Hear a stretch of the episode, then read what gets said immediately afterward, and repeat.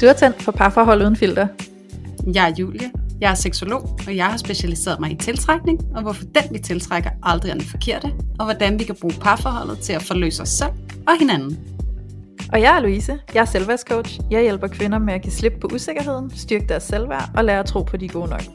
Og sammen tager vi filteret af parforholdet. Hej alle sammen, og velkommen til endnu et afsnit af Parforhold Uden Filter. I dag har vi endnu en gang lyttet til jer, og øh, det er specifikt en af jer, som har skrevet til os, at det her med at flytte sammen, det bare kan være super udfordrende. Og øh, den kære lytter, som har sendt os den her besked, er bestemt ikke den første, fordi det er faktisk et emne, som vi har haft op og vende et par gange. Og nu tænker vi, at øh, det var på tide at så dykke ned i det her. Så øh, det skal jeg i dag, og det skal jeg jo ikke alene, det skal jeg jo sammen med dig, Louise. Hej, Louise. Ja, hej Julia. Og øh, det er jo spændende det her med at flytte sammen, fordi at øh, der sker rigtig, rigtig mange interessante ting i relationen. Og øh, jeg ynder jo at tale om det her øh, samliv som øh, det fantastiske skyggeland, hvor vi virkelig kommer tæt på hinanden og får hinanden at se, og os selv at se fra helt nye sider, og det bliver langt mere intimt og tæt. Øhm, og med det så kommer der jo selvfølgelig også som vanligt en hel masse udfordringer, og dem er der jo sikkert rigtig mange af jer, der kan genkende derude. Man skal blive enige om indretning, man skal blive enige om fordeling af, øh, af opgaver i hjemmet, og samtidig så skal man finde balancen mellem at være sig selv og være sammen med sin partner. Og øh, jeg tænker, at du måske også har lidt erfaring med det her, Louise, fordi at jeg ved jo, at du bor sammen med din partner, og øh, han er jo ikke den første, som du har boet sammen med, så jeg tænkte på, om du vil lægge ud med, hvad dine erfaringer er med det her samliv, og det her med at flytte sammen. Ja, det vil jeg gerne. øhm, ja, jo, nej, min, øh, min kæreste er ikke den første, jeg har boet sammen med. Jeg har øh, alligevel boet sammen med nogle stykker af kærester øh, førhen også. Men alt andet lige, så tænker jeg, at jeg vil tage udgangspunkt i øh, både det at flytte sammen med min kæreste, som jeg bor med nu, og øh, også hvordan det har været for os, både det her med at flytte sammen, men også at flytte til et nyt sted sammen, og så selve det at bo sammen. Mm. Øhm, det tænker jeg er, øh, er det, der er mest aktuelt og relevant at, at tabe ind i, så det er, øh, det er der, jeg godt vil tale ind. Og jeg lå mærke til, at i øh, den her spørgerunde, vi har lavet på Instagram, hvor I er rigtig mange lyttere, der har været inde og givet os nogle input om, hvad I godt kunne tænke jer at høre om, så er der også nogen, der spørger ind til det her med, hvornår ved man det er det rigtige tidspunkt at flytte sammen. Hvornår mm. ved man, at det i det hele taget er rigtigt at flytte sammen. Og øh, jeg har lyst til at starte der, fordi jeg tænker sådan, det er den altså sådan den fine begyndelse på hele det her flytte sammen show, så hvorfor ikke starte der? yes. øhm, fordi man kan sige, der kan jo både være den her sådan øhm, romantiske side af det at flytte sammen, at ej wow, ikke? nu starter vi sådan rigtigt liv sammen, og nu, nu er det seriøst, fordi vi vælger at bo sammen, ikke? fordi det kræver jo alligevel lidt det her med at slå pjalterne sammen på den måde. Det er jo mm. en, øh, en erklæring på en eller anden måde af, at man virkelig godt vil hinanden, at man er seriøs, og man mener det. Øh, sådan ser mm. jeg det i hvert fald. Øhm, så selvfølgelig er det en stor beslutning at flytte sammen, og selvfølgelig er der rigtig mange forskellige følelser, der kommer i spil, når vi står over for at tage den beslutning. Og personligt for mig, så, øh, så er nye og store beslutninger som regel altid betonet af noget frygt. Mm. øhm, så, øh, så dengang, at min kæreste og jeg, vi øh, boede hver for sig, og vi sådan stille og roligt begyndte at lege lidt med tanken om at bo sammen, øh, så kom der sådan helt automatisk det her spørgsmål om, hvorhen? Skal vi finde noget nyt sammen, eller skal den ene af os flytte ind hos den anden? Øh, så, så da vi ligesom var passeret denne her øh, enighed om, at vi godt ville bo sammen, øh, så, så begyndte der altså at være lidt rumsteren omkring hvorhen. Og min kæreste, han boede på daværende tidspunkt på Østerbro, som han havde boet på lige siden han flyttede til København, øh, for, 10 år forinden cirka, øh, og havde Østerbro enormt kært, og ville sindssygt gerne bo der det der var ved det, det var, at den lejlighed, han boede i, den var sådan lidt gammel og lidt slidt, og sådan rigtig københavner røvhul, kan man sige. Ikke? Mm-hmm. øhm, og jeg boede i Brøndshøj på daværende tidspunkt i en andel, jeg havde købt, og det skal lige siges, at hans lejlighed var i øvrigt en fremleje. Øhm, og min andel var øh, ny og pæn, og øh, altså fint renoveret. Så det var sådan de praktiske udgangspunkter, vi havde at tage fat i. Og man kunne sige, at meget måske tale for at bo i den lejlighed, der nu engang var en købt andel frem for en fremleje. Øh, men så var der jo lige det her med, at min kæreste, han var sådan lidt, ej, jeg skal fandme ikke bo i Brøndshøj. Altså ikke når vi kan bo på Østerbro, ikke? og han var så glad på Østerbro. Og øhm, i princippet var jeg jo faktisk også begyndt at holde rigtig meget af Østerbro i den tid, vi havde været kærester, hvilket vi havde været i cirka halvandet år, inden vi flyttede sammen. Øhm, og så kunne jeg alligevel godt mærke det her med, at han enormt gerne ville bo hos ham. Det betød jo, at jeg både skulle sælge min lejlighed og flytte ind hos ham. Og helt sådan inde i min mave, der kunne jeg mærke denne her usikkerhed og den her frygt for, hvad nu hvis det ikke holder? Så jeg flyttede ind hos ham, og så er det mig, der står på gaden. Så er det mm. mig, der skal til at finde noget nyt. Hvad hvis jeg ikke kan finde noget nyt? Hvad så, hvis jeg skal til at bo hos min mor? Alle de der bekymringstanker begynder bare at blomstre.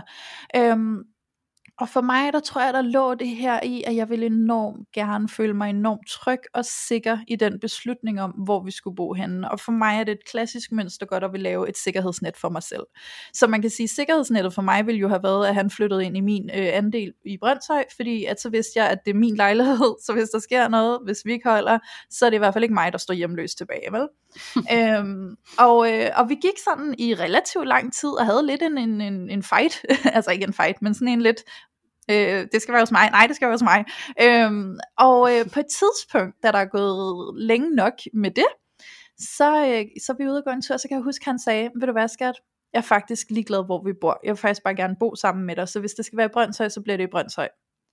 Og lige der, der klikkede det for mig på den gode måde, den der, nu skal vi bo på Østerbro. Okay.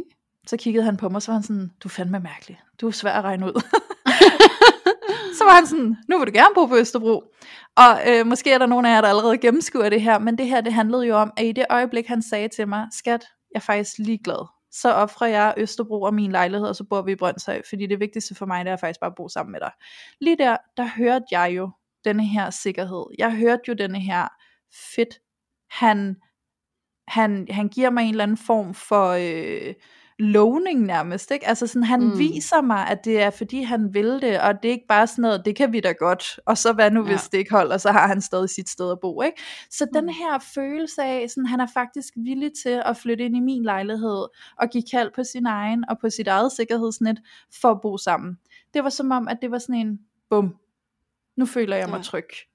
Øh, og i det øjeblik, der var jeg ikke længere i tvivl om, at jeg havde det så fint med at flytte ind i hans lejlighed på Østerbro, fordi i realiteten ville jeg også allerhelst bo der, fordi at jeg elsker Østerbro, og det gør jeg stadig. Øhm, så vi flyttede ind i hans lejlighed, og dernæst så kom jo... Øh, så kom jo alt det andet bøvl. så, øh, next altså, chapter. Fordi, next chapter, fordi det er jo det her med, altså, som der jo også er rigtig mange af jer, der har skrevet som input i denne her spørgerunde inde på Instagram, det er jo det her med, åh nej, hvad så når den ene flytter ind hos den anden? Fordi det er jo den her følelse af, at jeg flytter ind i dit territorie, og her skal jeg begynde at føle mig hjemme. Jeg skal begynde at indfinde mig med, at det også er mit, fordi at jeg har jo været vant til at være her lidt på gæstebasis, ikke? Og nu, mm. nu er det faktisk også mit, så nu har jeg faktisk også noget rettighed her, og det, det kræver noget af begge parter. Det kræver både noget af den, der, øh, altså den, der havde, eller den, der ejer lejligheden, øhm, og skulle give opkald på noget, og, og ligesom udvide og sige, nu er det også dit, og ikke kun mit, nu er det ikke kun mig, der bestemmer, hvordan tingene skal være her, nu har du også noget at skulle have sagt. Og det kræver også noget af den, der flytter ind, og faktisk føler sig øh, berettiget til at have noget at skulle have sagt. Mm. Øhm, og derudover så kommer der jo også det her med, når vi flytter ind hos hinanden på den måde, så er der jo ligesom en indretning bestående i forvejen. Og den skal vi jo så i oftest, øh, i de fleste tilfælde til at rode lidt ved. Fordi den, der flytter ind, har jo også nogle ting. Så nu skal vi til at mixe det, og vi skal til at tage noget ud, og den, der bor der, skal ligesom være klar til at give opkald på noget, og den, der flytter ind, og så skal der ske kompromiser, og hvad nu, hvis vi ikke er enige. Og det kunne jeg også se var et tema inde i vores input i øh, Instagram spørgetråden. Ikke? Så, øhm, så, og der vil jeg bare sige, det var vi altså heller ikke for uden. Vi var ikke for uden alt det her øh, bøvl. Og den her følelse, der kan opstå af at føle, jamen jeg bor jo bare i dit, og jeg vil godt, godt have det også føles som mit, og jeg vil gerne have det føles som vores. Øhm, så, så jo, selvfølgelig skulle vi også igennem nogle konflikter på den front, i forhold til at lære at gå på kompromis, og i forhold til at lære at begynde at føle, at det var vores, og at der kunne være plads til os begge to. Øhm, og jeg vil nok sige, at jo, vi formåede at finde den rytme, men jeg tror i virkeligheden aldrig, at den gik sådan 100% væk, før at vi faktisk flyttede ud af den lejlighed og flyttede ind i noget fælles, som vi byggede op fra grunden. Altså sådan, hvor vi ligesom sagde, nu flytter vi ind i noget, og vi tager nærmest ingenting med os. Vi køber nyt af det hele, og nu er det, nu er det hele vores fælles, som vi har besluttet os fælles, og nu flytter vi ind i noget, vi bygger sammen. Ikke? Hmm. Øhm, men jeg tænker sådan, at jeg lige stopper her, fordi Julie, jeg har også lyst til at høre lidt om, hvad er dine erfaringer i forhold til at flytte sammen og bo sammen med en partner? Oh, altså mit hoved, det, det buller og brager lige nu, for jeg sidder bare og reflekterer helt vildt, og jeg sidder og bliver sådan helt dumbfounded over, hvor meget, øh, hvor mange overvejelser og hvor mange steps, jeg hører, der har været i hele jeres sådan, samlivsproces. Og, og det, der går op for mig, det er, at når jeg har flyttet sammen med en kæreste, så øh, har det altid været med, med udgangspunkt i, at det var noget fælles og noget nyt, ja. øh, vi flyttede ind i. Og det, det gør så, at, at der var det hele den der indretningsdel måske sådan Øhm, den, den har været udfordrende på den måde, at jeg har erfaret, at, at man kan have forskellig stil øhm, mm. i forhold til, hvordan det skal være. Og så ved jeg ikke, om det siger noget om mig, men jeg har på en eller anden måde altid formået at trumfe lidt igennem, tror jeg. ja.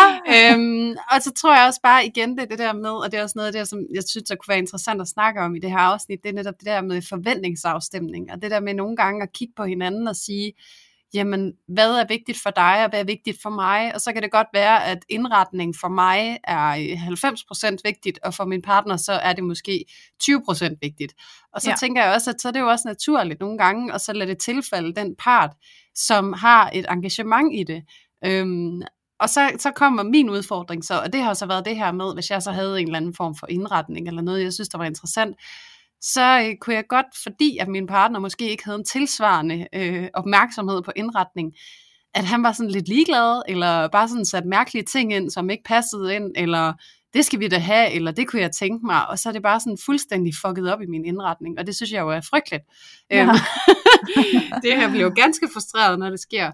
Øhm, og det synes jeg er vildt interessant, og, øh, og det er noget af det, som jeg kan mærke, at jeg har bøvlet med, fordi det, jeg bliver så ramt i, det er jo den der med, at jeg ikke føler, at der er en respekt omkring, eller en værdsættelse af den måde, jeg forsøger at gøre hjemmet hyggeligt på. Mm. Øhm, og i det, så kan jeg godt blive lidt blind for, at det jo er ud fra min egen vurdering af, hvad der er hyggeligt, og hvad der er pænt, og hvad der er lækkert.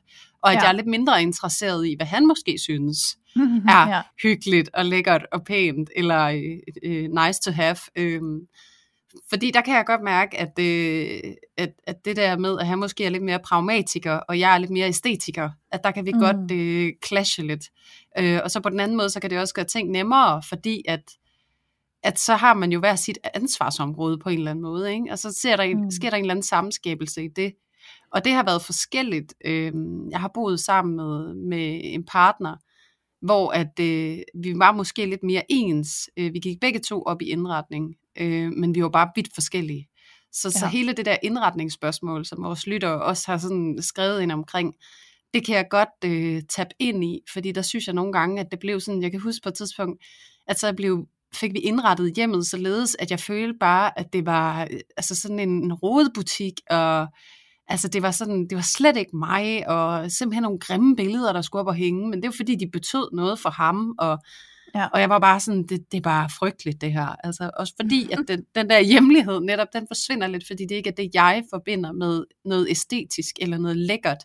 Ja. Øhm, og der kan jeg måske godt øh, tage ansvar for, at, at jeg kan være lidt perfektionistisk eller idealistisk i forhold til, hvordan jeg gerne vil have, at tingene skal være sådan rent æstetisk, hvordan det skal se ud. Og ja. der kan jeg godt blive sådan lidt, du ved, mig, mig, og så fuck dig. og, øh, og det er jeg ikke stolt af, men det tror jeg, altså, og det, nu øh, laver jeg en grov generalisering, men jeg tror, at mange kvinder især måske har en tilbøjelighed til netop at gøre det der. Øh, ja. Og så blive lidt forurettet, når at han lige pludselig også skal have plads. Og der er jo, altså nu i dag, så er der for eksempel rigtig mange mænd, som øh, synes, at det der gaming der, det er en fed hobby. Og så mm. skal man altså bare den der store, fede øh, computer stående i kontoret, eller måske i stuen, hvis man kun har en lille toværelses eller et eller andet. Ja. Og det er jo simpelthen et frygteligt kompromis at skulle indgå, men ikke desto mindre, så kan det jo være ganske nødvendigt at indgå det kompromis, fordi at han jo også skal føle sig hjemme. Ja. Så det er jo virkelig det der med altså at kunne give plads til, at vi har forskellige oplevelser af æstetik. Og det der med netop at måske fjerne fokus så meget fra, fra tingene og fra indretningen til at rette fokuset mod hinanden. Ja. Og være kærlig i at, at ønske for den anden, at de skal have det godt her. Altså fordi, at måden vi gør det her til et hjem på, det er ikke ved at putte en masse fine ting ind i det, det er ved at putte en masse kærlighed ind i det. Og, og det gør vi jo, når vi ser os selv og den anden for dem, vi er, og gør, hvad vi kan for at give hinanden plads. Ja, præcis, for det er jo det, vi skal. Det er jo den plads, vi skal give hinanden, fordi det handler jo i virkeligheden om, at vi kan være der, og hver især føle, at der er plads til vores personlighed, ikke? Øhm, ja. og, og plads til de personlige behov, vi har, fordi det er jo emmer væk vores hjem begge to, så vi skal jo begge to føle, at her er jeg hjemme, og her er der plads til, at jeg kan lave de ting, som jeg holder af at lave, ikke? Øhm, ja så, så, så igen det der med, at det jo ikke altid bare handler om, hvordan har ser ud, sådan rent øh, øh, indretningsmæssigt, men at det også i indretningen handler om, hvilke behov bliver der opfyldt. Altså jeg vil gerne have øh, en boghylde til alle mine bøger, og så, må, så kan det være, at du lige skal gå på kompromis med, at du ikke synes, det er pænt at have en boghylde, ikke? Altså sådan, ja. øh, eller, eller sådan en gamingstol, ikke? Altså sådan, jamen, hvis det er en del af, af hans interesser, og noget han nyder enormt meget, så skal han selvfølgelig ikke fratages det, og så må man jo finde ud af, og øh, komme overens inden i sig selv med at lave det kompromis og sige, jamen sådan må det være, fordi han skal selvfølgelig have lov til at føle, at han er hjemme, og at han kan være sig selv her. Øh, for der er der ikke noget værre end at have et hjem, hvor du ikke føler, at du kan være dig selv, fordi hvor, hvor hører jeg så til hende, ikke? Ja. ja. Så det vil jeg give det helt ret i, Julia. Så det der med indretningen, det er jo at få fokuset på den dybere mening, i stedet for at vi godt kan blive grebet i det der overfladespil, ikke? Ja, præcis. Også fordi vi kan have sådan en tilbøjelighed netop at tænke mig, mig, og oh, nej, og nu skal jeg have plads, og kan jeg ja. få det? Og sådan, vi bliver så, øhm, hvad kan man sige, optaget af det der med at få det, der er vores, eller få plads til os. Og, ja. og modsatrettet, så kan vi også sådan, åh, jeg skal ikke komme og invadere dit hjem, og ej, bare don't mind me, og hvis bare jeg får en mm. lille hylde i skabet til mit tøj, så er det fint, og kunne jeg måske også få et lille plads på hylden ude på badeværelset til min tandbørste, ikke? Altså, ja. så det er jo den ene eller den anden ekstrem, hvor man kan komme og blive utrolig insisterende på at få sin plads, og på den anden side, så kan man også komme og være utrolig øh, intimideret af at komme til at fylde for meget. Så ja. på den måde, så kan man pakke sig selv lidt væk. Og jeg ja. tror, noget af det, der er vildt interessant i den her samtale om at flytte sammen, det er virkelig, øh, at det, det er virkelig fordelagtigt, når man skal lære at samleve og bo med et andet menneske, at man ser sig selv relativt tydeligt. Øhm, mm. Øhm, at man kan finde ud af at kommunikere sit behov, ja. uden at give den anden ansvaret for det. Ja. Jeg føler mig ikke hjemme, og jeg kan jo ikke føle mig hjemme, når du gør sådan her. Jeg kan jo ikke føle mig hjemme, når alle dine ting, og du fylder, og jeg kan bare ikke bo på den her måde, fordi det gør, at jeg får det sådan her. Og sådan, det, det, det her med, at det bliver sådan en indirekte ansvarsfralæggelse nogle gange, kan være min oplevelse. Hvor at det virkelig er det her med at være klar og tydelig at sige, jeg kan mærke det her, det gør det her ved mig. Jeg, jeg kan mærke, at jeg har faktisk brug for det her. Hvordan kan vi få det til at ske? Ja. Og hvordan har du det? Ja. Altså den her ærlige og, og jordnære samtale omkring, hvad er mit behov, og hvad er det, der frustrerer mig? Fordi nogle gange så er det heller ikke tingene, der behøver en forandring sådan i det fysiske, men det kan være, det er mere en mental omstilling, der skal mm. til, eller der skal ske, hvor man er udfordret på generelt det her med at dele noget med nogen, eller Jamen, det det. At, man, at man måske er mindre øh, i stand til at bare kunne trække sig for sig selv, at være den, som man er. Og det er jo også, hvis man nu har haft et forhold, og, og altså, det kan jo have været langt eller kort, ikke? men hvor meget har jeg egentlig vist af mig selv, eller hvor meget har jeg performet et eller andet, som jeg gerne vil have, han eller hun skal opleve mig som. Og ja. så står man lige pludselig og skal gøre regnskabet op, når man flytter ind på den samme adresse, for nu kan du ikke skjule dig længere. Og så det kan det i hvert fald anstrengende, anstrengende, hvis du forsøger ja. at prøve, ikke? Altså, Præcis. Ja, Jamen helt, helt sikkert, Julia, også det her med, at vi jo kan være, øh, altså vi kommer jo sandsynligvis fra at have været meget vant til at være alene, og 100% selvbestemmende i vores egen lejlighed, ikke? Altså sådan, jeg har indrettet mig her i mit eget lille smørhul, sådan, så alt er indrettet til mine behov, og jeg har det bare pissegodt, og jeg kan vælge det hele selv, ikke? Og nu kommer du ind i et fællesskab med din partner, hvor at du bliver nødt til at udvise kompromis, og udvise, at du godt kan ofre nogle af dine ting for at gøre plads til jer begge to. Så det er jo også en form for op opoffring, og jeg synes, det er mega fedt, du lige får det der med, Julie, med, at, at vi skal jo også vide, at ja, i den tid, hvor vi ikke har boet sammen, så har vi måske haft en tendens til at være sammen på en måde med vores partner, når vi havde tid sammen hos hinanden, og når vi så kom hjem og var alene, så var det, at vi ligesom kunne være alt det, vi ikke ville vise vores partner, ikke? Øhm, mm. Og hvor gør vi af det, når vi skal til at bo sammen? Det kan jeg da godt huske, det var da også noget for mig, dengang vi flyttede sammen første gang. Øhm, nu siger jeg første gang, det var så fordi vi flyttede undervejs. øhm, men, øh, men da vi flyttede sammen, der havde jeg da også den der sådan, shit mand, hvad så med alle mine sådan, vaner og alt det der, som jeg ikke plejer at vise ham, som jeg jo gør derhjemme. Nu bliver det jo mit hjem at være sammen med ham, så nu bliver det nok ret svært at undgå, at han, at han ligesom får lov at få indblik i alle de vaner. Ikke? Ja. Øhm, og det må jeg da også sige, i starten, der forsøgte jeg at opretholde den her sådan, som du siger, sådan en, en præsterende eller sådan, ikke? hvor jeg ligesom var på en bestemt måde, når han også var hjemme, ikke? og så prøvede at, at skjule alle de der vaner, jeg ikke synes var så charmerende, som jeg ikke synes, han skulle se. Ikke? Og det blev jo ja. sindssygt anstrengende, og til sidst så krakkelerede jeg jo også under det, og så måtte jeg jo give slip og sådan øh, overlade mig til ligesom at åbne op, og så også bare kunne være mig selv derhjemme. Ikke? Øhm, men, men, men jeg synes egentlig også, at lige præcis det vi snakker om her, det leder jo sindssygt godt ind i det her, der også er blevet snakket meget om i vores spørgerunde på Instagram med alenetid. Øhm, fordi jeg kan da godt se, at nu hvor vi bor sammen, jeg nyder, når han lige smutter en weekend til sine forældre. Og det er ikke et spørgsmål om, at jeg er træt af ham overhovedet, men det er bare helt naturligt, at vi samtidig også har den her nydelse af vores egen alenetid, og at vi kobler fra på en helt anden måde, når vi bare kan være alene. Ikke? Øhm, mm så den alene tid, den synes jeg også lige, vi kunne tage lidt ind i, fordi den er bare sindssygt vigtig også at give plads til, og den er vigtig både at give plads til for dig selv, men også at give plads til til din partner, sådan så at du også øh, sørger for lige at smutte afsted en gang imellem, så din partner kan få lov at få noget tid derhjemme alene. Præcis. Ja. ja, det der med, at det ikke er personligt. Og det tror jeg ja, er vigtigt at understrege, ja, ja. fordi der er også nogen det der med, at, at jeg føler, at jeg skal underholde min partner, tror jeg også, der var en af jer, der skrev, ja. hvor det, sådan, det bliver meget personligt, altså det bliver meget et overansvar på hinanden. Ja. Øhm, ja. Og hvor at det her med, at det er rigtig vigtigt, at vi vender tilbage til, at selvom at vi bor under samme tag, så har vi stadig kun ansvaret for os selv, og så ja. har vi et, et ansvar, et fælles ansvar for noget fælles. Men det er stadig dit eget ansvar at få opfyldt dit behov, og få udtalt dit behov. Men mm. vi kan være så forsigtige, fordi, åh oh nej, hvad tror han, jeg ikke vil ham, eller tror hun, jeg ikke vil hende, eller hvis jeg siger sådan her, så misforstås det bare, eller er der noget galt med mig, eller med vores forhold, fordi at jeg har lyst til, at vi måske ikke skal være så meget sammen, eller fordi jeg måske modsat har lyst til, at vi skal være rigtig meget sammen hele tiden. Ja. Øhm, og der tror jeg, uanset hvad behovet er, det er egentlig ikke så væsentligt, men det her med at kunne sætte ord på og stå ved det, og så tillade den anden at have det på en anden måde, eller mm-hmm. have et mhm. andet behov, og så er det der, hvor et samlivet det begynder, og samskabelsesprocessen den går i gang. Det er det her med, hvordan får vi vores individuelle behov til at kunne sameksistere under ja. det her tag, som vi har valgt at rykke ind under. Øhm, og det er det, der kan være så, så hårfin en balance, fordi at det, det kræver virkelig noget af, af dig og af jer, at kunne øh, sætte ord på det og stå ved det, og så uden at det bliver sådan skyldsbetonet eller skamfuldt, fordi det kan det altså hurtigt blive. Ja. Især hvis man føler det her overansvar. Ja, Lige præcis, og så egentlig også det der med, altså sådan den her alenetid, ikke? at det kan føles som en afvisning.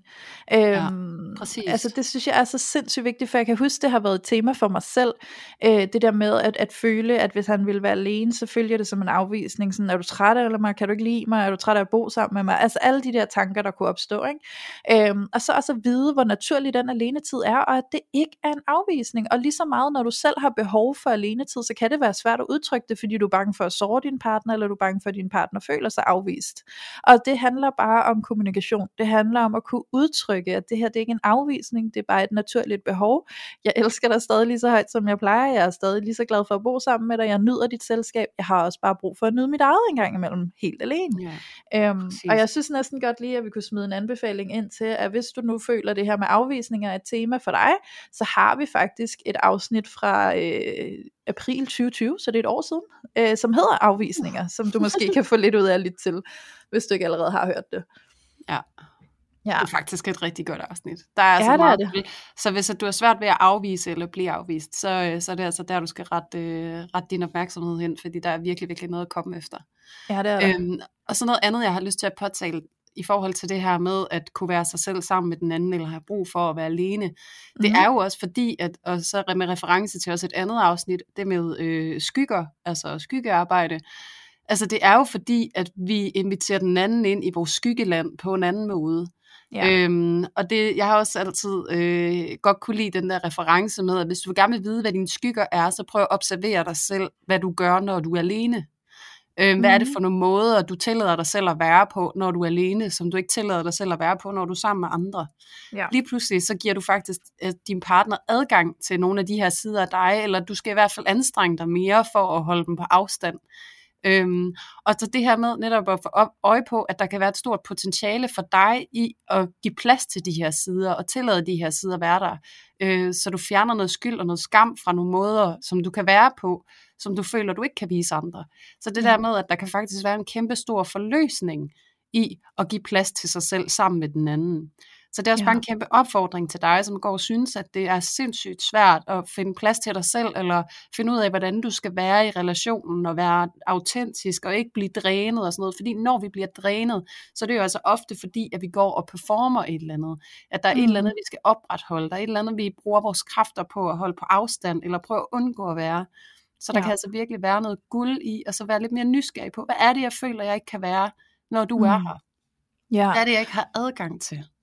Ja, og jeg synes, det er så genialt, øh, fordi det handler jo også om at kigge på, hvorfor er det, du skammer dig over det? Altså det Ja. her, som du, som du er, når du er alene, men som du ikke kan lide at vise din partner, hvorfor skammer du dig over det? Fordi det synes jeg egentlig er en øh, genial måde også at kunne komme i kontakt med. Skammer du dig over det? Øhm, fordi det faktisk er noget, du ikke har lyst til at være, som du gerne vil frigøre dig fra. Jeg skal nok prøve at forklare det lidt bedre. Eller er det, eller er det reelt set noget, du sådan, skal vi kalde det, uberettiget skammer dig over? Altså at det er en decideret skygge, som du på et eller andet tidspunkt i dit liv har fået opfattelsen af, at sådan her må man ikke være, selvom man faktisk godt må være sådan. Øhm, præcis. fordi at nu prøver jeg lige at, at skære det ud i pap og gøre det lidt mere konkret. Øhm, vi har i et afsnit, der hedder øh, Kropskam, snakket lidt om, at jeg har øh, haft rigtig mange, øh, hvad kan man sige, udfordringer med overspisning. Og øh, derfor så var overspisning noget, jeg gjorde, når jeg var alene hjemme, før mig og min kæreste flyttede sammen. Altså når jeg var hos mig selv, og så når jeg var sammen med ham, så var det ligesom, at jeg fandt en eller anden måde at gå udenom det på, ikke? For det skulle mm. han ikke se. Så dengang vi skulle flytte sammen, så tænkte jeg jo, fuck, det bliver svært det her, ikke? Øhm, og der kan man sige, jeg skammede mig over, at han skulle se mig overspise. Og der vil jeg jo sige, det er jo ganske berettiget på en eller anden måde at ønske, at det ikke skal være sådan, for det var jo ikke hensigtsmæssigt eller sundt for mig.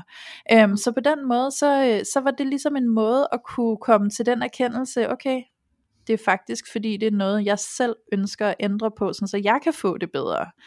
Øhm, hvor at derimod, så var der også øh, nogle andre ting, jeg kunne skamme mig over, eller være frygtsom omkring, som ikke handlede om, at jeg ikke måtte være sådan, eller det ikke var sundt for mig at være sådan, men mere handlede om, at jeg følte, at øh, det var forkert at være sådan, ikke? Altså noget, som jeg selv Mhm. kunne dømme, eller som jeg kunne føle mig dømt af, eller på. Og øh, mig og min kæreste, vi havde en rigtig god samtale, og det her, det synes jeg, nu skal I lige lytte godt efter, fordi det er faktisk det, jeg ser som nøglen, det er faktisk at ture og tale åbent om det.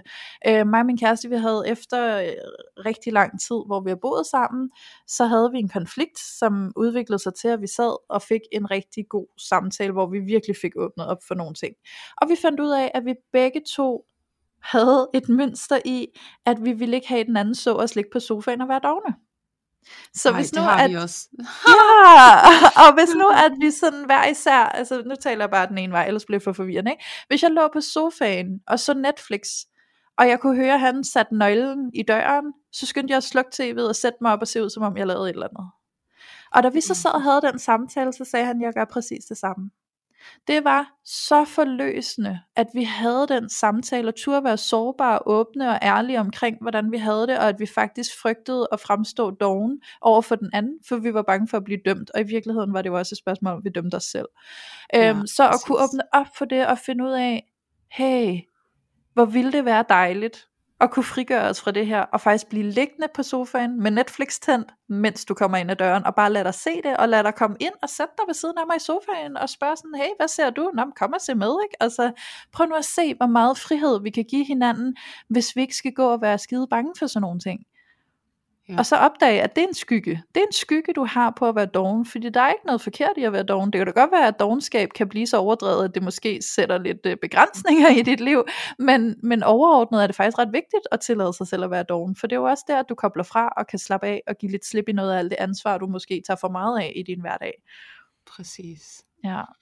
Ej, hvis ikke det var irriterende i mikrofonen, så ville jeg bare sidde og klappe helt vildt lige nu. Ja.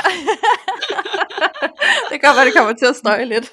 ja, men det er fordi, det er, bare, det er så rigtigt. Og jeg har også den der med dogenskab, og jeg tror bare, at især i den her tid, så er det sikkert noget, som rigtig, rigtig mange går bøvler med. Det er den her det her med, at vi går og føler, at vi altid skal udrette noget, eller vi skal præstere ja. noget, eller vi skal være dygtige, eller vi skal være produktive, eller fordi det er ligesom også, og det er måske også, en, altså, for at vi bedre kan forstå, hvad den tendens, den kommer i, den er super stærk, fordi det er en helt samfundsdiskurs, måde vi taler ja. om det på, at det er den gode måde at være på. Det er at være sådan en, der gør ting, og sætter ting i gang, og udretter noget, og Øh, øh, nu også bare øh, den her podcast, ikke? personlig udvikling. Du skal udvikle dig hele tiden, du skal hele tiden være i gang. Jeg håber selvfølgelig, at den her podcast den bidrager lidt til, at vi også nogle gange bare lige skal finde fred med, at vi er, som vi er, og finde lidt ro ja. i, at tingene ikke altid er perfekte, for det er egentlig det, der er formålet. Men bare for at sige, at vi lever i en, en kultur, hvor det fylder sindssygt meget. Så der kan også være alle de her, det kan også være noget, der giver brændstof til de her skamfulde tanker om måder, vi må eller ikke må være på. Og det bliver så sindssygt anstrengende, fordi det er et urealistisk ideal. Ja. Så det er sindssygt anstrengende at skulle efterleve det, og nu skal vi tillade et andet menneske at se, at vi ikke er det der, som der er det gode at være. Det evner vi faktisk ikke. Så derfor har vi brug for, at de går, så vi kan få lov til at være det. ja, i vores eget lille skyggeland. ja, og den der kæmpe gave, der er i at dyrke noget selvaccept og sige, jo, jeg må godt være doven. Og du må også godt se på det, og du må også godt synes, at det ikke er okay, jeg er doven, fordi jeg synes, det er okay. Jeg ja. tillader mig selv at være det, fordi det er også en gren i det her. Det er, når vi tillader os selv at være noget, som kan være svært for os, så kan det jo godt være stadigvæk, at vores partner også måske har en skygge på dogenskab, og så ikke synes, det er okay, at du er det. Ja. Men det er det, du er nødt til at lære at stå i. Oh, ja. Du er nødt til at kunne tillade din partner igen. Altså det der med, øh, vi har også et afsnit med min partners reaktion, og det her med at kunne stå i, at din partner har en reaktion, som måske øh, kan udfordre dig lidt, fordi at du er jo alle, hvis du allerede er i en proces, hvor du selv skal acceptere, at du godt må være doven, og du så ikke får en bekræftelse udefra på, at det må du godt, så er der jo ikke noget udefra, der bestyrker dig i den her Nej. proces, du er i selv. Og det kan være utrolig hårdt. Det Men ikke desto mindre. Svært.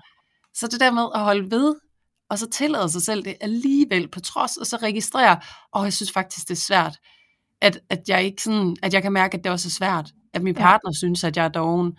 Ja. Men jeg vil blive ved med at være vedholdende og insisterende på, at det er okay for mig. Fordi mm. jo mere du kan være overbevist om, at det er okay, jo mere okay bliver det faktisk også for din partner. Fordi det, som vi ofte reagerer på hinanden, det er, at vi selv er i tvivl om det, vi gør er okay. Præcis. For den tvivl, den manifesterer sig i energien mellem os. Så ja. der kan man godt mærke, okay, der er et eller andet her, du måske ikke selv har det helt godt med. Jeg ved ikke helt, skal jeg have det godt med det? Eller? ja. og det er sådan en meget naturlig øh, reaktion, vi mennesker vi har på hinanden. Så det der med ja. også at tillade det at give tid, og øh, tillade os selv at få øje på hinanden i samlivet, fordi det er en af de allervildeste øvebaner. Det er nok den vildeste lige øh, før det at få børn sammen, fordi der kommer alle skyggerne virkelig på bordet. Og det er også derfor, at mange måske kan blive overrasket eller ende med at gå fra hinanden. Det er jo fordi, at man simpelthen ikke kan opretholde den her facade længere. Der er ikke energi, der er søvnunderskud. Det hele crasher, og der er en anden mm. en, der skal have energien, og så, så falmer vi altså. Så kan vi ikke opretholde det her ideal, vi har sat for vores parforhold eller for os selv. Ja. Så det kan virkelig også være noget guld i, og især hvis du er med en partner, og du tænker, I gerne vil stifte familie, så brug det her som en øvebane på at tillade jer selv at være grimme sammen. Ja, Jamen, det er simpelthen... Hvad siger du, Julia? Ja, ej, altså, fordi det leder mig hen i noget andet, som vi også har skrevet om, og det er det her med, hvordan bevarer man så gnisten. Fordi det er ja. også sådan, hvis vi ved alt om hinanden, eller får alt for meget indsigt i hinanden, så ja, så er der ikke noget mysterie længere, og det er jo det, som, som vi snakker om, og som Jytte Wikkelsø også snakker om, det her med, at der er to dele, der skal være, og det er tryghed, men der skal også være et mysterie. Altså mm. vi skal også altså, have et eller andet, vi kan opdage om den anden. Så, så, så der er jo en hårfin balance, og det er jo også der, hvor I skal opdage, hvordan kan vi kultivere vores parforhold, selvom vi bor sammen, sådan at vi skaber den her mystik med hinanden. Og der har jeg også et rigtig godt hands-on råd til det. Og det er Mhm. faktisk at netop ikke gå i den her usund, usunde symbiose, som vi også snakkede om øh, i et af de seneste afsnit, hvor vi Ja. skal vide alt om hinanden, vi skal gøre alt sammen, vi skal være helt tætte, vi skal være en unit. Men at tillade os selv og hinanden at være to individer, som også har noget sammen. Ja. Du skal ikke stoppe med at dyrke dig selv, og din partner skal ikke stoppe med at dyrke sig selv. Det handler virkelig om at finde den her balance i at være to individer, som samtidig har committed sig til hinanden. Ja. Fordi det er der, altså det er det mysterie. Jeg får heller ikke alt at vide øh, af, hvad min partner altid laver, eller hvad der sker på arbejdet og sådan noget. Fordi man kan jo også nogle gange risikere at blive hinandens eneste samtalepartner, eller for nu har vi Ja. hinanden, og jeg er så udmattet af hele tiden skulle opretholde den her facade, så jeg får heller ikke rigtig set mine venner og sådan noget. Jeg har ikke rigtig overskud til at løse samtaler, fordi vi snakker jo sammen hele tiden. Så ja. det er så vigtigt også at udlicitere noget af alt det her til dine andre mm. relationer. I skal sørge for, at I ikke bliver hinandens eneste referenceramme. Fordi Ja. ja. det er der, I bevarer mystikken. Det er der, hvor I kan bringe noget nyt i spil i relationen også. Det er faktisk også i mødet med andre mennesker uden for jeres relation. Ja. Og det er virkelig et vedligeholdelsesarbejde, efter min bedste betragtning. Der, der skal altså noget til, det skal være et aktivt valg om ikke at gå i symbiose med hinanden, fordi det er der, gnisten forsvinder. Ja. Jamen, jeg kan jo kun tilslutte mig, Julie, og sige, at jeg er helt enig, og, øh, og jeg har egentlig også lyst til sådan lige at tabe ind med nogle af de tanker, jeg sad og fik i alt det her.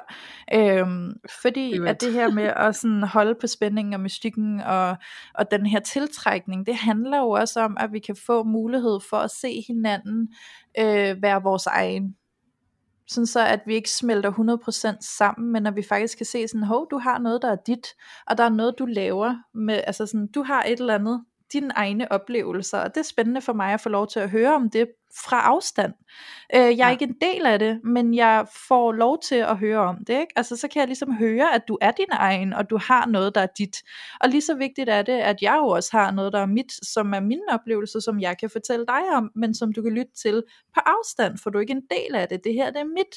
Øhm, og det er det, jeg tror på. Jeg tror på, at spændingen og, og det her med at sådan kunne bevare tiltrækningen, det er ved at blive ved med at være to individer, der har et fællesskab, men stadig også har hver sine oplevelser ude for fællesskabet, som vi så kan vise hinanden. Ikke? Øhm, og så fik jeg også lige lyst til det der, Julie, som du sagde med, hvor svært det kan være at stå i og have en skygge, hvor vi faktisk selv er i tvivl om, det er okay at være på den måde, hvis vores partner så ovenikøbet ikke synes, det er okay at være på den måde.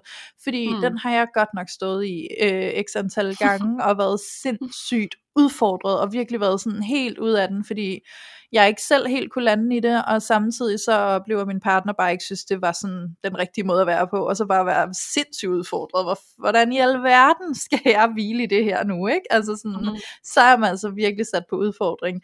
Øhm, og, og der har jeg egentlig også bare lyst til at sige, at nogle gange, så skal vi acceptere, at vi ikke kommer til at møde forståelse i vores partner på alle områder.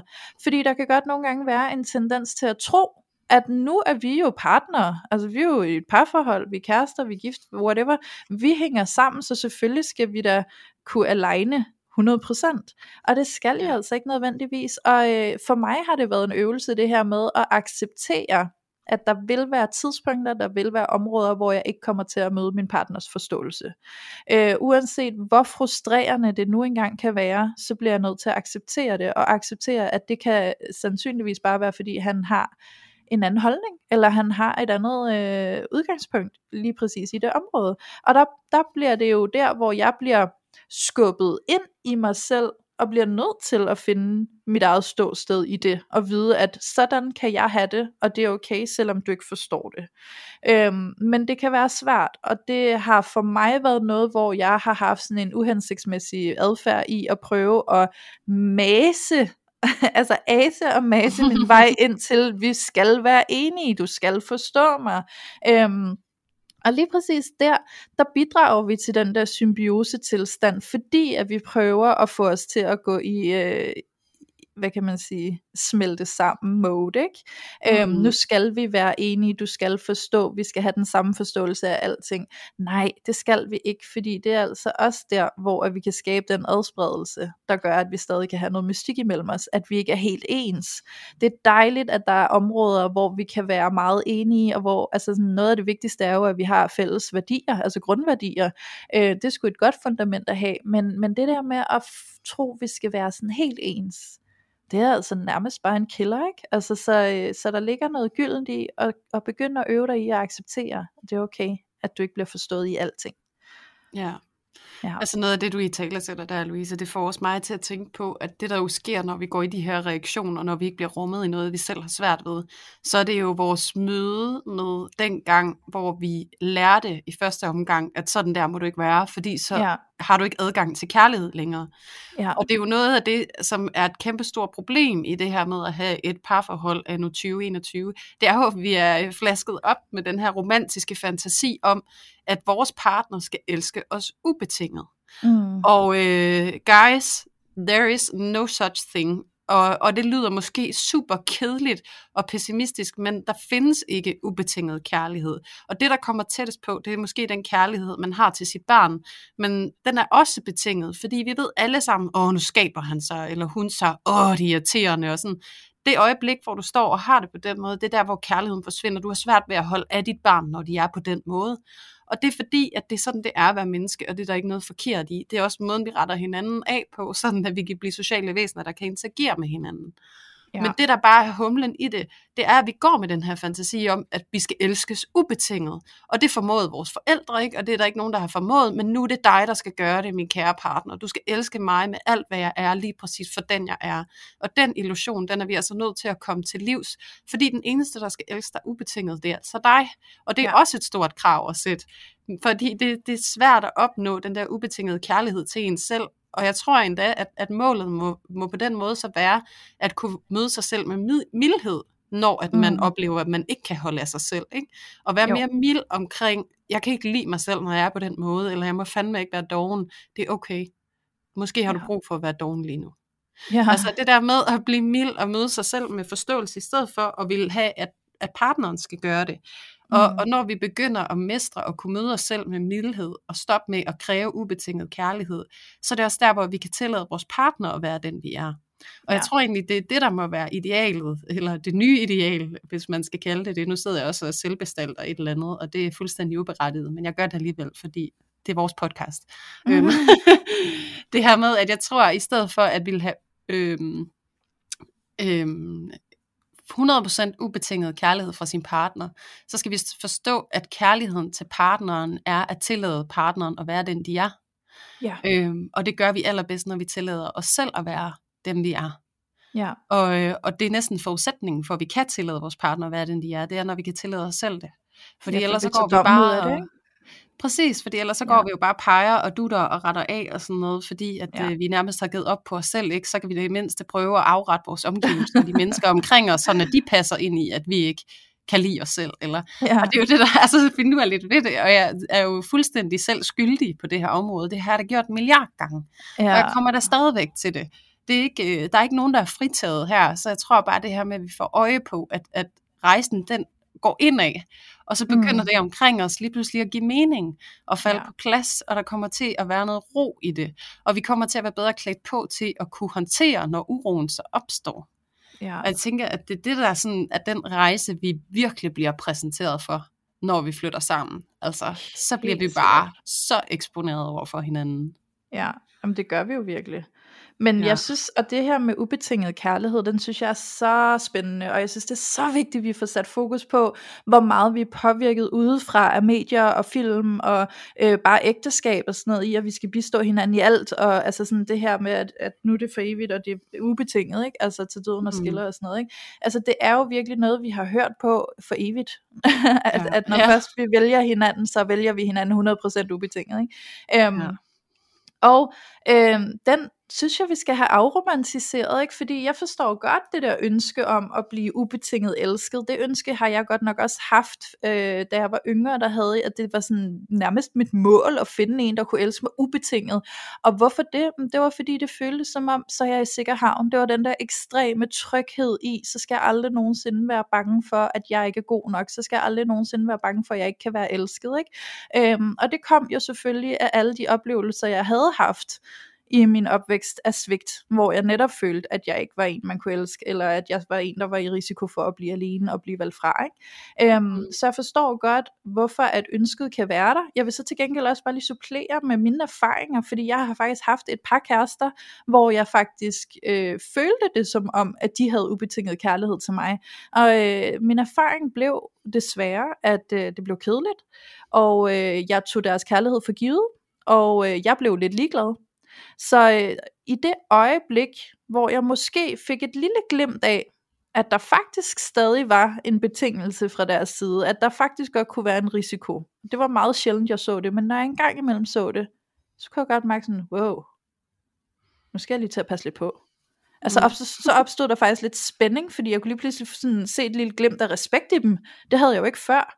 Fordi Nej. den der ubetingelse, det gjorde jo også, at jeg ikke kunne have respekt for dem. Fordi at jeg, jeg følte jo, at de stod jo ikke i sig selv på den måde. Vel? Øhm, så det er også bare lige for at give det, give det en anden vinkel, for at se, hvor vigtigt det er, at du ikke jager det der ubetinget. Ikke? Ja, præcis. Ja. Også og fordi, det er også altså, med til at holde på spændingen og mystikken, at det ikke er ubetinget. Ja, præcis. Det er ja. det, jeg skulle til at sige. Det er jo det, der er ja. i live, ikke? Altså, det ja. er jo det der med, at det, at det ikke bare er et free ride, ikke? Altså, det er jo sådan, jo. det er med alting. Det, du får gratis, det er sådan lidt... Bleh. Men det, du ja. virkelig har arbejdet for og investeret i, både tid og måske penge og en masse energi, det er jo virkelig det, der kommer til at betyde noget, ikke? Ja, ja. Altså det der med, at, at, at du kan have noget, som er fuldstændig værdiladet på den måde, det hænger jo netop sammen med den indsats, som man ja. lægger i at ville sig selv og ville den anden. Ja. Så det kan altså noget, det skal ikke bare være nemt. Altså, og hvis I bare gerne vil have, at det skal være nemt og sådan lidt easy going, og så, så kunne man måske vælge ikke at flytte sammen. Altså fordi, ja. at det, jeg vil ikke sidde på nogen måde og, øh, og advokere for, at det bare er nemt, eller det er bare Nej. perfekt, og det bare altid går godt. Der er altid nogle kompromiser, der skal indgås. Øh, man bliver tvunget til at se indad på en helt ny og meget mere intens måde og, øh, og man skal virkelig anstrenge sig for at, at se den anden også for den de er, og mm. ikke smelte sammen, eller vil overvinde den anden, og, og få over på ens egen side, og vi skal mene det samme om alting, og sådan noget, det er virkelig, virkelig svært. Ja, øhm, det er det virkelig. Ja. Og, og apropos, og, og, og ville det samme og mene det samme, ikke? Mm. så tænker jeg, at vi sådan lige kan glide lidt over de der huslige pligter. Øhm, jeg fordi, lige præcis. ja, fordi nu er vi sådan øh, ikke så langt fra at skulle runde af, og jeg ved, at det her med huslige pligter, det var der rigtig mange, der kom med input om i den her spørgerunde ja. på Instagram, så jeg synes næsten, vi lige skylder at få det med. Ikke? Øhm, ja. Også fordi jeg ved, at de huslige pligter kan være noget af det, der larmer sindssygt meget i mange hjem. Ikke? Øh, ja. Fordelingen af det, ansvaret for det, osv. Så, videre, så, mm. øhm, jeg har lyst til at starte med dig, Julie. Okay, jamen det kan vi godt. Jeg, øhm, jeg tænker igen, og du, du kender mig, jeg er jo også lidt sådan en, jeg kan godt lide at kigge sådan historisk og kulturelt på ting, så det tror jeg næsten, ja. jeg vil indlede med at gøre. Og, altså, vi skal jo altså igen, altså vores tidsregning øh, generelt for menneskeheden, den er jo ikke særlig lang i et stort historisk perspektiv, og der er virkelig sket nogle ting inden for mm. de sidste øh, 100 år i forhold til rolleomdelingen øh, i hjemmet, i forhold til mænd og kvinder. Og øh, der kan man altså også bare se, i dag, der lever vi bare i en tid, hvor der er så meget øh, feminisme og ligestilling, og så vi bliver også super opmærksomme på de her roller, og hvordan de her roller de er fordelt, og hvordan opgaverne for de her roller de er fordelt, og især i forhold til samlivet. Ja. Og, øhm, og der skal vi altså bare huske, at rigtig, rigtig mange, øh, særligt mænd i dag, og nu tæller jeg mig selv at generalisere lidt, men jeg kan også sagtens lave fagligt belæg for det om nødvendigt, men det synes, tror jeg ikke, I gider at lytte på alligevel. øhm, og det er altså, at øh, vi skal huske, at de mænd, der er i dag, de er opdraget af en tidligere generation af mænd, som er opdraget af en endnu tidligere generation af mænd, som jo er tilbage fra, øh, fra krigstiden, og en anden måde at gøre husstand på, hvor ægteskabet stadig var mere eller mindre en økonomisk institution, ja. øh, hvor at kvinder var afhængige af mænd, og deres øh, frontlinje, den ligesom var i hjemmet, og at manden han var ude at provide. Ja. Så det der med, at vi skal se, det er altså kun tre generationer siden. Ja. Fordi at det kan netop give sådan forståelse for, hvordan at den larm, der er i vores tid nu, kan frustrere os helt vildt meget. Fordi at vores mænd på en eller anden måde ikke nødvendigvis efterlever de ønsker, vi har for, hvordan tingene skal være fordelt derhjemme. Ja. Øhm, og det er simpelthen fordi, at det er, et, det, det er sådan, det er, at der er altid et efterslæb fra tidligere generationer i den generation, vi er i nu. Og jeg tror bare en af de her, det her med, med huset og hjemmet og huslige pligter og rengøring, det er bare et af de der tydelige markører på, at der sker en forandring. Og vi begynder at blive vildt frustreret, fordi jeg kan da også huske bare fra øh, min mor og min stedfars forhold, der var det da også hende, der klarede den slags ting, og han, han kunne ikke rigtig noget af det selv. Og ja. øh, endnu tidligere i min mor også, der var, det, altså, der var ikke nogen diskussion om, det var hende, der skulle gøre det. Ikke? Ja. Øhm, og nu er det bare en anden tid, og det bliver pisse frustrerende, fordi det matcher ikke rigtigt med det, vi er omgivet af, som hedder ligestilling og alle de her ting. Og, øh, og sådan helt lavpraktisk herhjemme, så, øh, så er det også mig, der står for det, og det har det også været i mine andre forhold, altså at, øh, at det er mig, der står for rengøringen og alt det huslige, og øh, det er egentlig ikke fordi, at min kæreste ikke vil øh, bidrage, og min kæreste ikke har vil bidrage, øh, men det er simpelthen fordi, jeg har en pissehøj standard. Og jeg tror også, det er noget af det, som kan have noget med det at gøre, det er også det her med, at øh, ligesom at måske mænd på en eller anden måde, i en eller anden grad opponerer lidt mod, at kvinder, de skal virkelig skal indtage arbejdsmarkedet og få de høje chefstillinger og sådan noget. På samme måde, så tror jeg, at kvinder, de kan opponere lidt mod, at mænd, de skal virkelig have en stor rolle i hjemmet og tage over der, på samme tid med, at vi gerne vil det. Så skal vi ja. også nogle gange, tror jeg, øh, huske at være lidt nysgerrig på, om vi er villige til at afgive suverænitet. Mm-hmm. Øhm, og det kan jeg jo mærke helt personligt. Jeg er måske ikke særlig villig til at afgive den suverænitet, og det kommer jo faktisk på baggrund af, at jeg har ikke tillid til, at han kan gøre det ordentligt. Ja. Og jeg tror, det er ligesom også med ens børn, sådan, nej, de skal ikke lige hjælpe der og der og der, fordi man er sådan lidt, ah, kan du gøre det ordentligt, eller kan du gøre det efter min standard, og sådan noget. Sådan. Og det er jo mm. fordi, vi kvinder på en anden måde måske er flasket op med netop at have lært de her ting. Fordi det har været mere naturligt, eller det er det, vi har set vores mødre gøre og sådan nogle ting. Så derfor så har vi altså et andet flair for det huslige. Ja. Øh, og vi har nogle andre standarder. Og jeg tror nogle gange, det er det, der clasher ja. øh, i de her husholdninger. Og det der med, at kvinder, øh, øh, de er måske altid bare lige 10% hurtigere øh, til at få gjort de her ting. Og det er jo også det der med nogle gange at tillade, det er ligesom igen referencen til barn. Altså det er meget nemmere, hvis jeg giver ham overtøjet på. Men jeg kunne også give ham overtøjet 20 minutter før vi skulle ud af døren, og så lade ham selv få det på. Det tager længere tid, det er mere tidskrævende, men så må vi planlægge ud fra det. Og ja. jeg tror, det er det, hvis man gerne vil have lavet en forandring, så er vi nødt til at tale om det. Vi skal stoppe mm. med at gå og håbe på, at de bare gør det af sig selv. Vi skal ja. stoppe med at gå og bitch over, at vi altid skal gøre det ene og det andet, fordi du kommer ingen vegne med det. Det er virkelig, ligesom med alt muligt andet, ligesom med de andre ting, vi har snakket om, Louise, at sætte sig ned og tur i talesætte.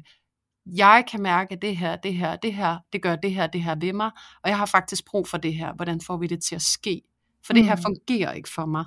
Og så ja. det der med, at nogle gange også tillade, jamen hvis det betyder meget mere for mig, end det gør for ham, så er det måske naturlighed, jeg gør det, men så skal han så gøre noget andet. Altså sådan, ja. så man fordeler det på en eller anden måde, så begge parter, de kan være i det og stå inden for det. Og jeg ja. tror egentlig, det er det, der er vigtigt at få afklaret i parforholdet. Ja. Det er det her med, hvad har vi lyst til, og hvad har vi brug for? Og jeg tror, det er alt for sjældent, at der er den der forventningsafstemning. Så er der sådan en, det er hun meget bedre til end mig, eller han er også bare meget bedre til at bruge huller i væggen, end jeg er. Og sådan, mm. Altså det bliver lidt, vi, vi tapper ind i det der lidt stereotype kønsrolle øh, fordeling i forhold til hjemmets opgaver. Og der tror ja. jeg bare, det kunne være værdifuldt, hvis du mærker en frustration over det, og så i talesæt det. Ja, jeg havde jo engang en kæreste, som sagde, at han gjorde sig bare rigtig dårligt til tingene, for så vidste han, at han ikke fik lov at gøre det igen. Ja. øhm, nå, men det var bare lige... det duer jo heller ikke, vel? Nej, nej. Så skal man jo tale om det. Jeg bryder mig ikke om, hvorfor gør du så dårligt til det, fordi det betyder ja. faktisk meget for mig, at du bidrager, og du gør det lige så umage. Eller at ja. du i hvert fald gør dig umage. Ja. Du behøver ikke gøre det lige så perfekt som mig, bare du gør det umage, så er det fint.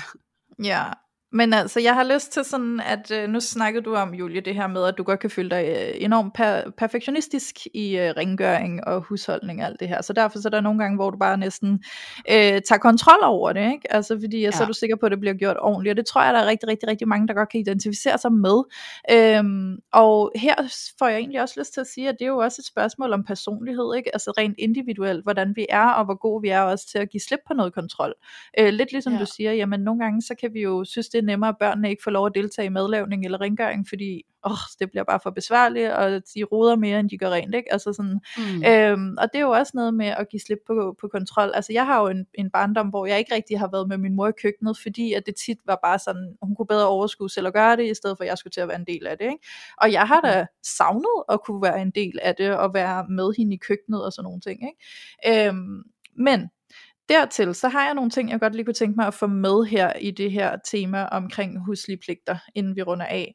Og øh, jeg ser også en tendens til, at øh, mange kvinder selv faktisk tager fat, altså de, de tager selv øh, ansvaret for det huslige, men samtidig går de og brokker sig over, at ja, det er dem, præcis. der laver det hele. Ikke? Så de giver faktisk ikke plads til, at deres mand kan øh, få en rolle ind i det, og hvis han endelig forsøger at få en rolle i det, eller hvis du har fået øh, skældt ham nok ud til, at han føler sig skyldig og faktisk kommer på banen, så bliver han også nakket på og bliver fortalt, at det er forkert, og det er også forkert, og du har ikke gjort det her ordentligt, og hvad med det her over?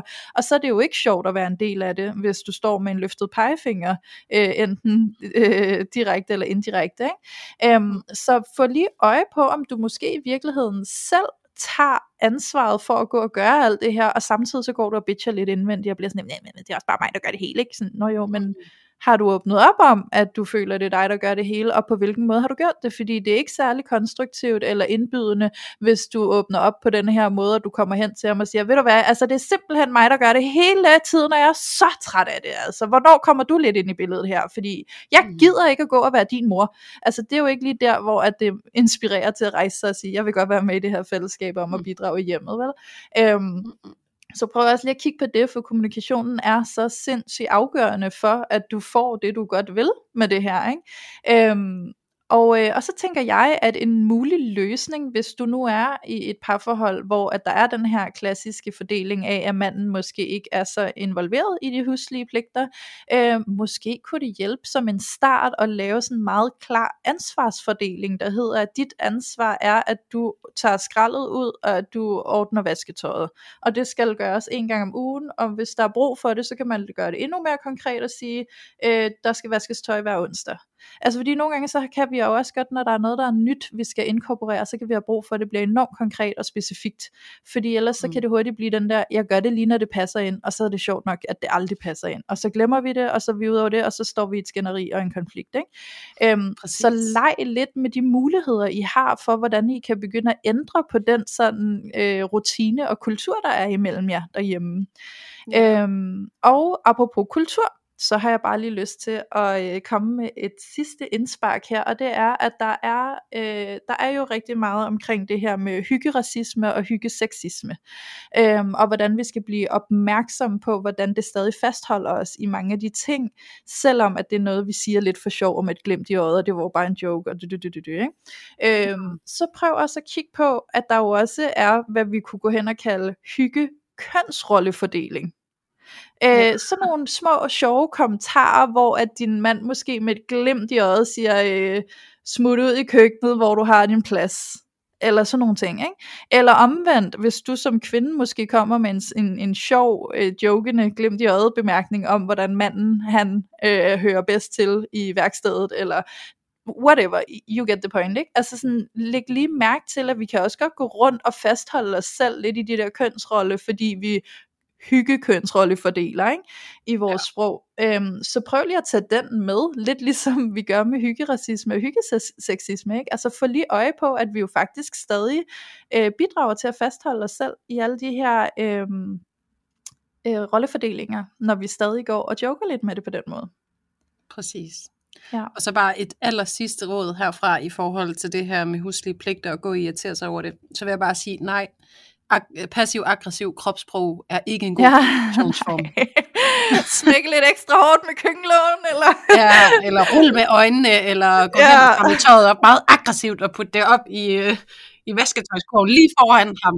Nå, hvad laver du, skat? Ja, jeg vasker tøj, eller jeg ja. vasker ikke sig selv, eller hvad vi kan oh, finde ja. på at sige på en dårlig dag, ikke? hvor skyerne har været lidt for øh, Men altså, Jamen, jeg har taget mig selv mange gange i mit ja. liv, og så skulle kigge på en vasketøjskurv, og så lige minde mig selv om, det var dig, der tog det her ansvar. Og det ja. kan godt være, du synes, det er træls lige nu. Det kan godt være, du synes, du ikke har tid til det.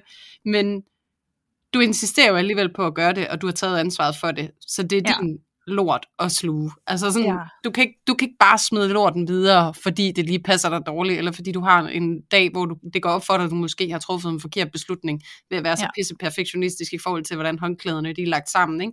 Og så kan du Mhm. måske overveje, om du skulle give slip på den perfektionisme, og så få den støtte, som du egentlig har brug for, og så tillade tingene ikke at være på din måde.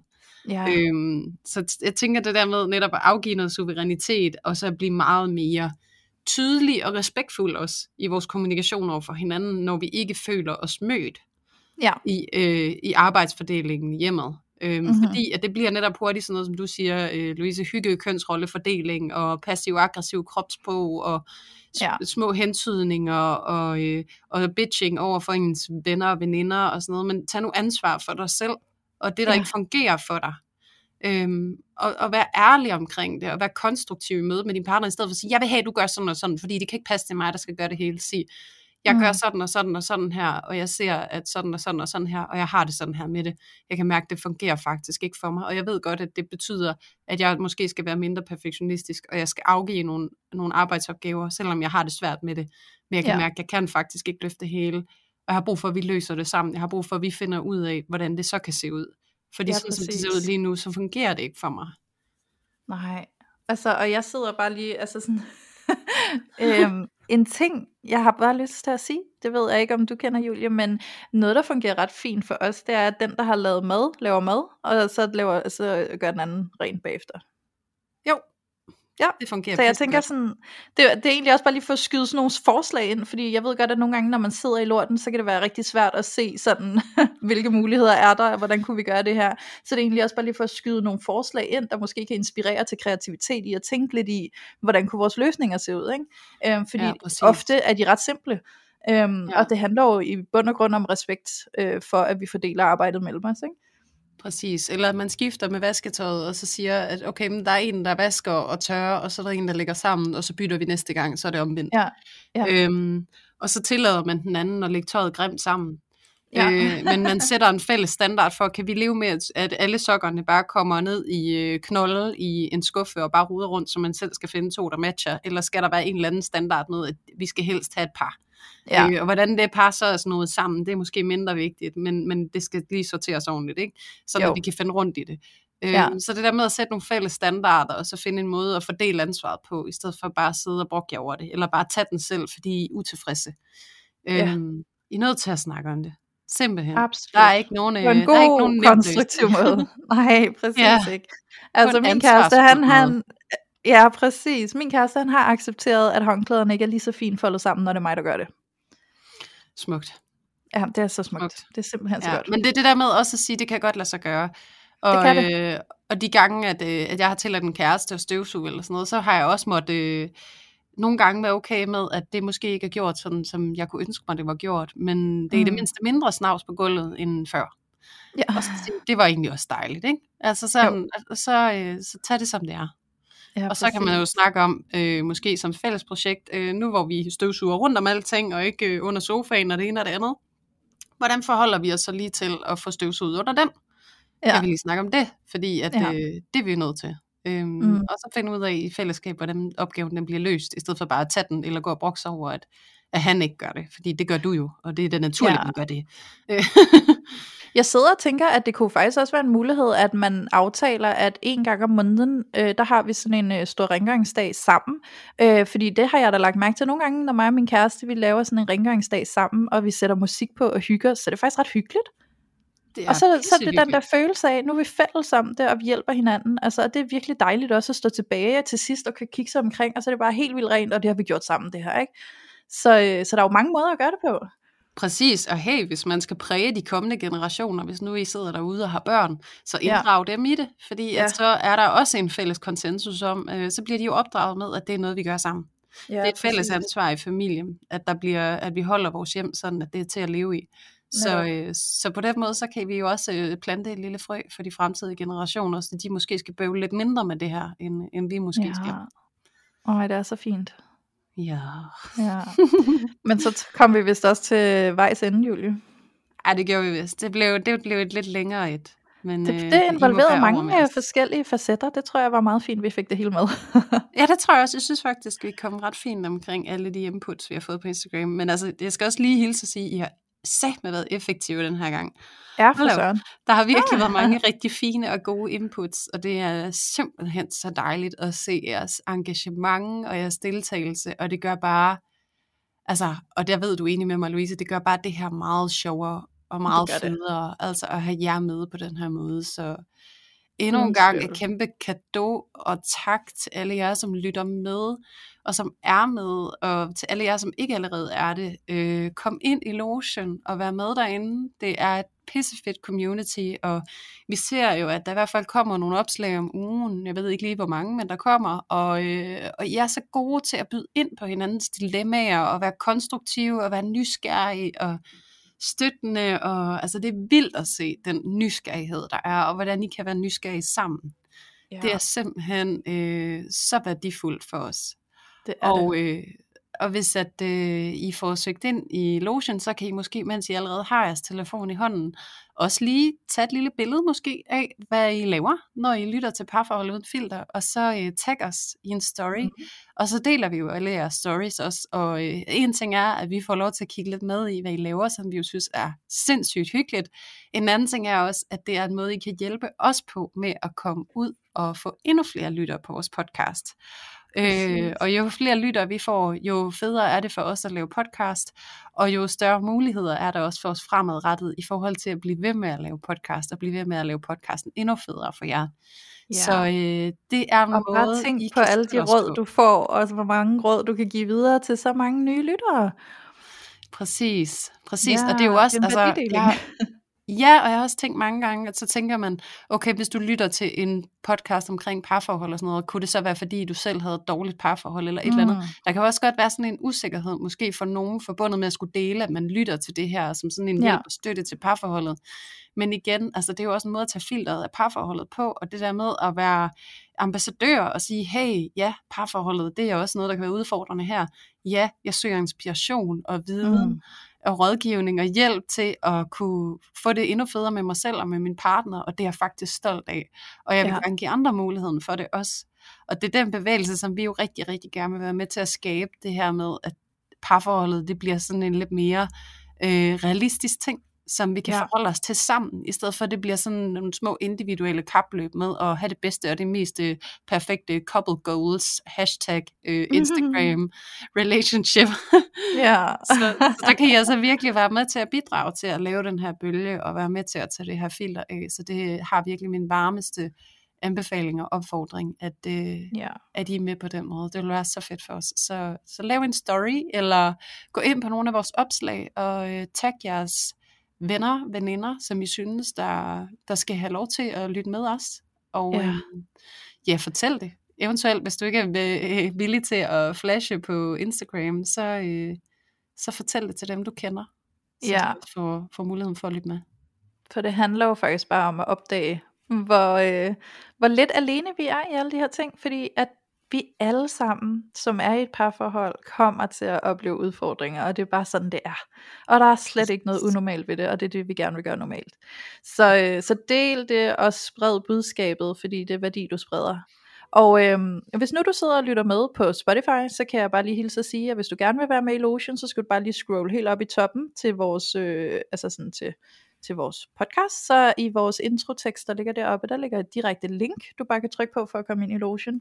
Og hvis du lytter på en anden platform og ikke har Spotify, så er det bare ind på Facebook og søge på parforhold, hashtag uden filter, bindestreg Lotion. Og vi lukker nye medlemmer ind hver mandag. Yes. Ja.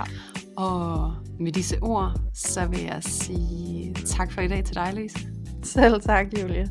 Og så vil jeg sige tusind tak til alle jer lyttere, fordi I endnu en gang har været med til at tage filteret af parforholdet.